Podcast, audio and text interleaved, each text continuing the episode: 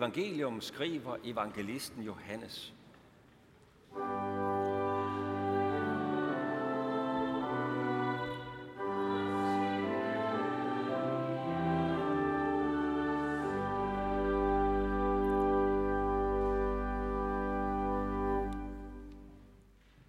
Nu øh, kom Johannes' disciple i diskussion med en jøde om renselse, og de gik hen til Johannes og sagde, Rabbi, han som var hos dig på den anden side af Jordan, han som du øh, har vidnet om, han døber nu selv, og alle kommer til ham. Johannes svarede, et menneske kan ikke tage noget som helst, uden at have fået det givet fra himlen. I kan selv bevidne, at jeg sagde, jeg er ikke Kristus, men jeg er udsendt forud for ham. Den, der har bruden, er brudgom. Men brudgommens ven, som står og lytter efter ham, fyldes med glæde, når han hører brudgommen komme. Det er min glæde, og den er nu fuldkommen. Han skal blive større, jeg skal blive mindre. Den, der kommer ovenfra, er over alle. Den, der er af jorden, er jordisk og taler jordisk. Den, der kommer fra himlen over alle, hvad han har set og hørt, det vidner han om. Og ingen tager imod hans vidnesbyrd. Den, der har taget imod hans vidnesbyrd, har dermed bekræftet, at Gud er sandro. For han, som Gud har udsendt, taler Guds ord. Gud giver jo ikke ånden efter mål. Faderen elsker sønnen, og alt har han lagt i hans hånd. Den, der tror på sønnen, har evigt liv. Den, der er ulydig mod sønnen, skal ikke se livet, men Guds fred bliver over ham. Amen.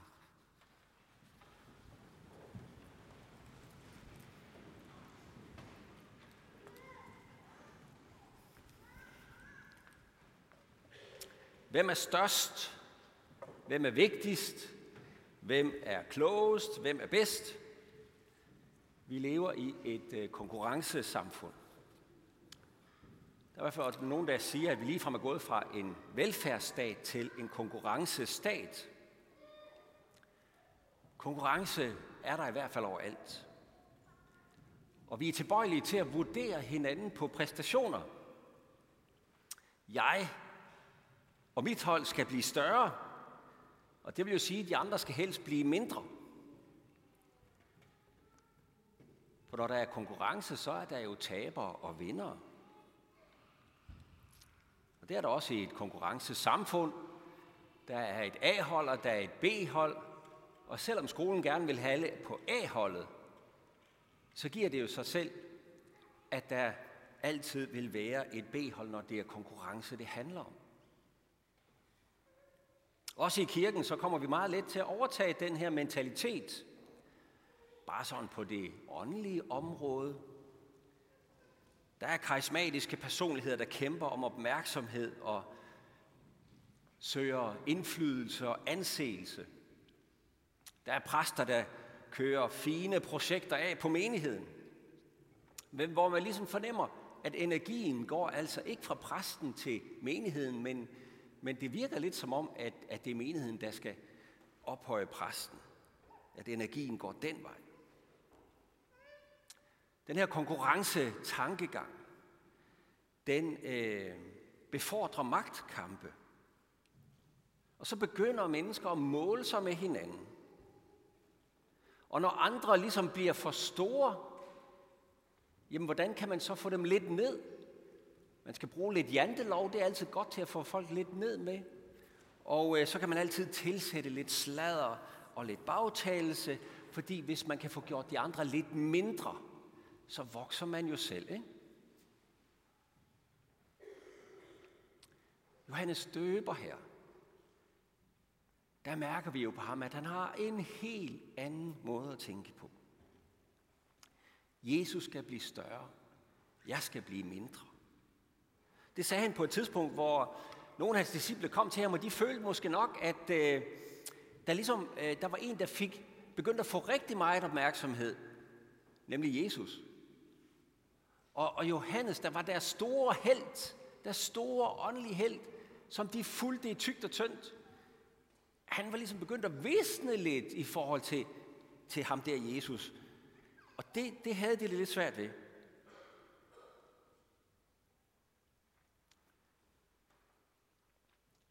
Jesus havde jo sagt om Johannes Døber, at han er den største af kvindefødte. Johannes var den største af, og den sidste af profeterne. Og faktisk havde profeterne selv talt om, at der skulle komme en præcis som Johannes. Der var en engel, der havde bebudet hans fødsel. Han havde døbt Jesus selv. Og der var jo store skare, der kom omkring ham og fulgte ham ud i ørkenen og lyttede til ham. Masser af disciple. Det havde været fristende at bygge en identitet på det. På de store skare. På det at være stor. Tiden den lignede vores en lille bitte smule, tænker jeg. Det var selvfølgelig ikke lige klimakatastrofe, der var på tapetet den, dengang. Men der var alligevel en vis dommedagsstemning i de år. Der var mange, der troede, at dommedag var nært forestående, og der var så lidt panik før lukketid, og så ledte man jo efter den stærke personlighed, der kan give den faste ramme og tryghed og gå foran og fortælle, hvad der skal til. Og sådan var der nok nogen, der strømmede ud til Johannes for at få svar på alle deres spørgsmål. Johannes kunne have været fristet til at beruse sig i den status, han fik, i den storhed, han blev tilkendt. Men han tabte ikke hovedet. Han holdt fast på, hvad der var op og hvad der var ned. Han holdt fast i sit kald. Succesen gik ham ikke til hovedet. Det er jo det, der fremgår af dagens evangelium.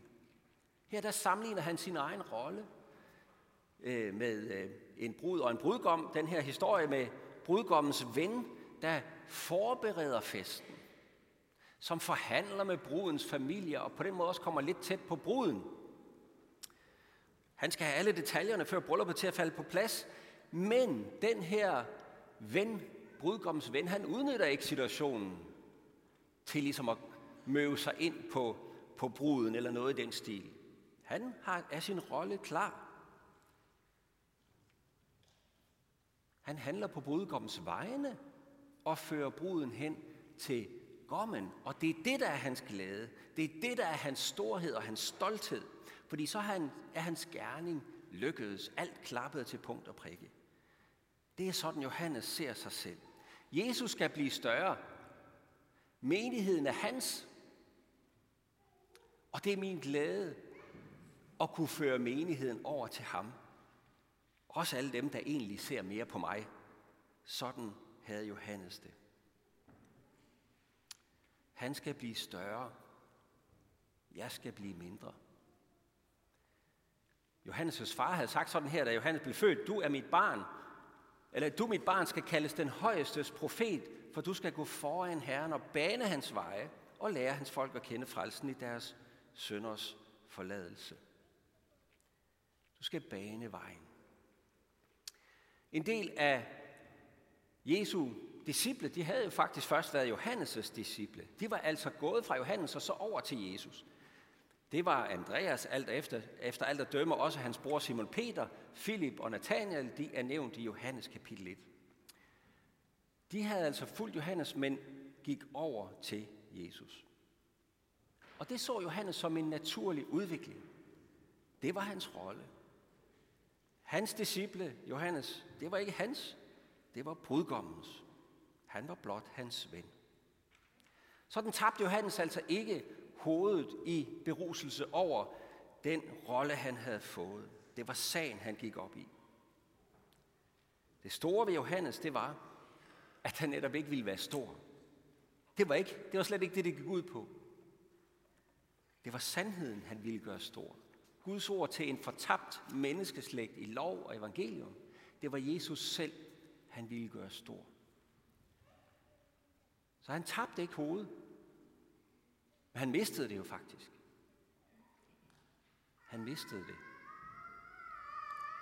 For for at forberede Guds folk til at tage imod den her ventede Messias, så var en af Johannes' pligter at afsløre, hvor meget vi i virkeligheden har brug for søndernes forladelse. Hvor meget vi i virkeligheden har brug for en frelser, der kommer og siger, at dine sønner er dig forladt. Og det var ikke nogen sjov opgave, kan man godt sige. At pege på menneskers skyld, at han måtte holde Guds kompromilløse lov op som et spejl for os. Det var ikke behageligt. Folk ville jo gerne strømme ud til Johannes, Johannes, så længe det kildede i maven med idealisme, og vi er bedre end de andre forkyndelse. Det er jo en forkyndelse, som kilder i vores ører. Vi er større, de andre derude er mindre. Men det var ikke det, Johannes han fortalte dem. Han konfronterede dem med alle former for hykleri og synd og alt det slam, der lå på bunden af deres sjæle, og som vi alle sammen kender til på bunden af vores. Johannes lod sig ikke friste til at gøre Guds lov til sådan et stykke radikal moral for dem, der ville følge ham i øh, miljøkorrekt kamel, kamelulstøj ud i ørkenen. Det gjorde han ikke. Han tabte ikke hovedet, men han mistede det af samme grund, fordi sandheden ofte er ille hørt. Kong Herodes slog ham jo ihjel for præcis det her. Men for Johannes var det værste ikke at miste livet for den sag, han kæmpede for. Det eneste, han måtte vide, det var, at Jesus er frelseren. Er du frelseren? Og med den vidshed, der var han klar til at miste indflydelse og give stafetten videre. Jesus skal blive større, ja, skal blive mindre. Og det er derfor, Johannes han har sin plads i advent. Fordi hans rolle, det var at bekræfte, at Jesus er den, som de gamle fædre havde ventet på. Johannes er den, der peger på Jesus, peger os hen til ham og siger, at det er altså ham, I skal fejre. Det er ham, i hvem alle det gamle testamentes løfter har fået deres ja, sådan som vi læste før. Nu kom han patriarkers håb. Og så står Johannes Døber jo også som repræsentant for hele den gamle pagt, der måtte blive mindre, fordi Jesus er den større. Den gamle pagt må nu træde tilbage. Den gamle pagt skal pensioneres. Den gamle pagt må give stafetten videre til den nye pagt. For nu kom ham, som det hele handlede om. Ham, som templet, offringerne, ypperste præsten, profeten og kongen, landet og folket selv havde afspejlet og forudgrebet. Nu kom kvindens afkom, Abrahams afkom, Davids søn, Messias. Så det handler ikke bare om Johannes. Johannes står som repræsentant for den gamle pagt og siger, nu skal den gamle pagt blive mindre, og Kristus, den større, skal fejres. For en stor del af Israels folk dengang, der var det så bare sådan, at de havde tabt hovedet. De havde beruset sig i deres egen udvælgelse og status som Guds folk. De vil ikke give slip på deres egen status og eksklusive rolle som repræsentant for Guds folk. De var jo den retmæssige ejer af løfterne og loven. Israel ønskede, at de skulle blive større, ikke mindre. Paulus han siger det på den her måde, at hedninger, som ikke stræbte efter retfærdighed, de opnåede retfærdighed. Men vel at mærke retfærdighed er tro. Israel derimod, som stræbte efter en lov, der kunne føre til retfærdighed, nåede ikke til sådan en lov. Og hvorfor ikke? Fordi de ikke søgte den tro, men som om den kunne fås af gerninger. Stafetten skulle gives videre, men mange takkede nej, for de ville ikke blive mindre, de ville selv blive større.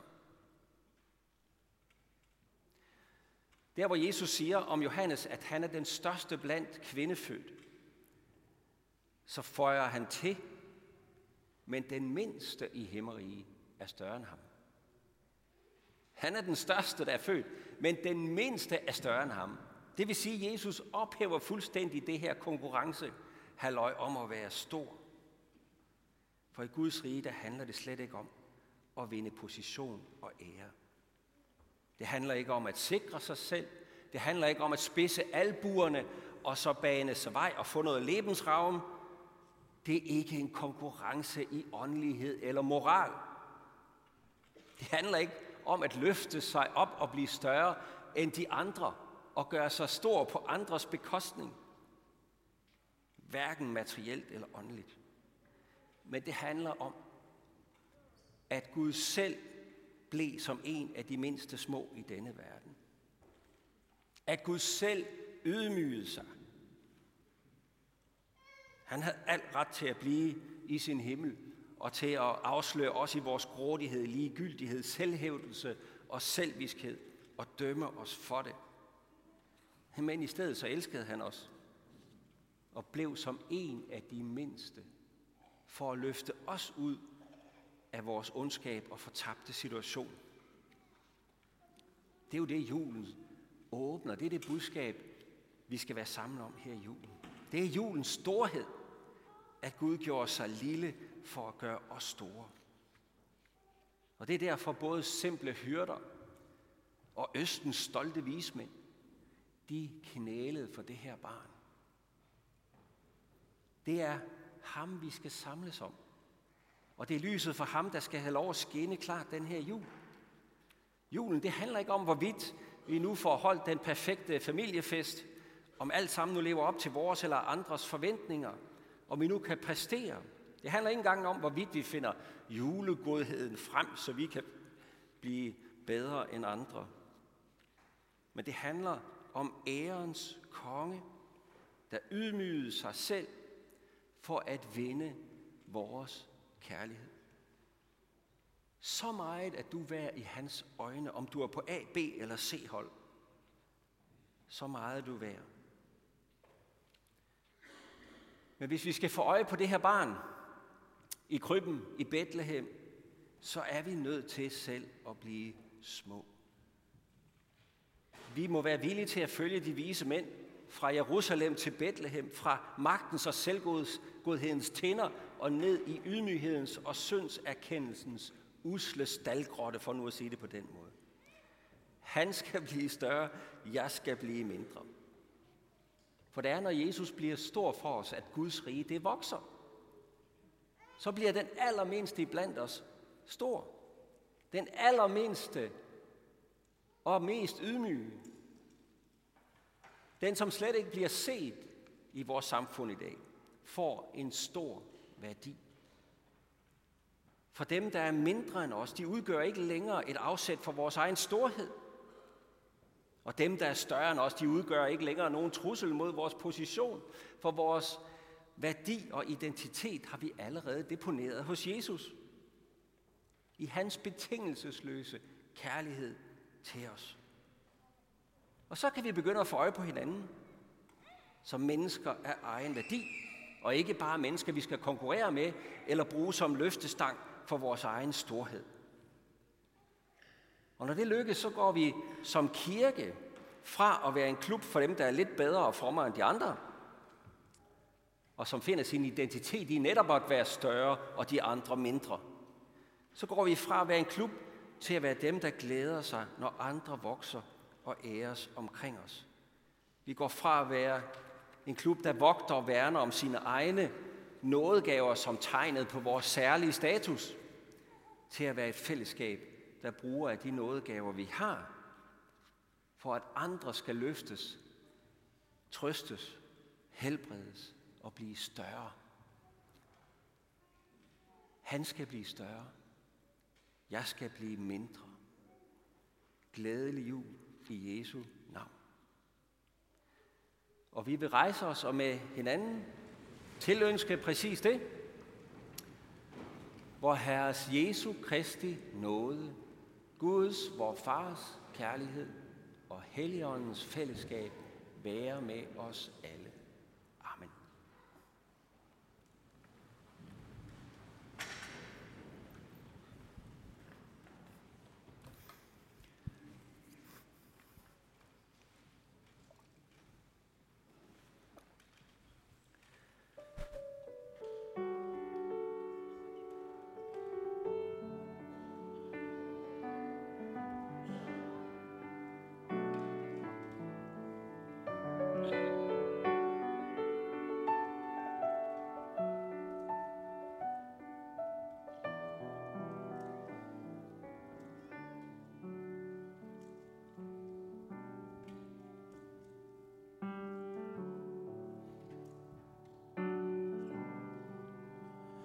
Han er kommet, Guds retfærdighed fra himlen ned til os. Han er kommet, klædt i ydmyghed. Han giver evig fred til os. Bjerg, hav og himmel kor synger højt, at Gud er stor. Jesus, du er herre, det bliver ikke større. Ære være du, Guds offerlam. Jesus, du er hellig, Herre Gud almægtig. Himlen synger, ære være du. Er kommet, som det prædikes som er vor død og dom nu forbi. Han er kommet, og vi synger ud, at den sande Gud sætter fri. Jesus, du er herre, det bliver ikke større. Ære være du, Guds offerlam. Jesus, du er hellig, Herre Gud almægtig. Himlen synger ære være du. I taknemmelighed lever vi nu. Vi hviler trygt her hos dig. I taknemmelighed synger vi lovsang. Ære være du. Han er kommet. Det er virkelighed. Han har noget med til os. Han er kommet. Bud fra Gabriel. Immanuel. Gud med os. Bjerg, hav og himmel kor synger højt, at Gud er stor. Jesus, du er herre, det bliver ikke større. Ære være du, Guds offerlam. Jesus, du er hellig, Herre Gud almægtig. Himlen synger, ære være du.